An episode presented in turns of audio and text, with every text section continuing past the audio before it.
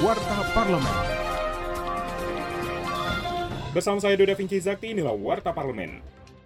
Anggota Komisi 9 DPR RI Edi Wuryanto mengatakan target pemerintah untuk mencapai 70% vaksinasi secara nasional diharapkan dapat tercapai. Apalagi menurutnya kehadiran vaksin COVID-19 baru Zivivac yang telah disetujui Badan POM dan telah mendapatkan sertifikasi halal dari MUI. Wakil Rakyat Dapil Jateng 3 ini menyebut pilihan vaksin sekarang semakin banyak dan masyarakat dapat memilih sesuai pertimbangan masing-masing. Warta Parlemen.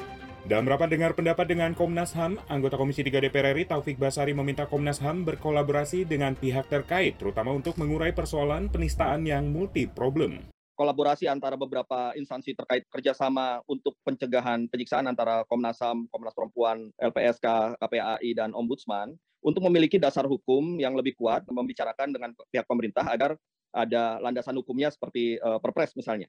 Karena upaya pencegahan penyiksaan ini dia multi problem ya. Kalau misalnya terjadi penyiksaan, sudah ada kerjasama untuk pencegahan penyiksaan ini jalinan dari instansi beberapa pihak ini untuk korbannya diberikan pemulihan, untuk penegakan hukumnya bisa dijalankan dan sebagainya. Menurut saya ini sangat luar biasa apabila kita dorong terus. Kinerja Wakil Rakyat simak di media sosial DPR RI.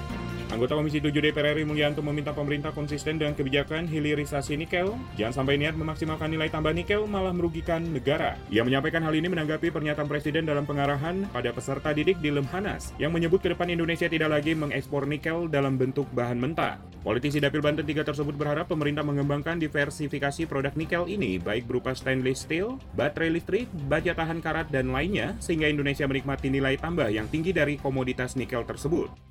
Televisi Radio Parlemen.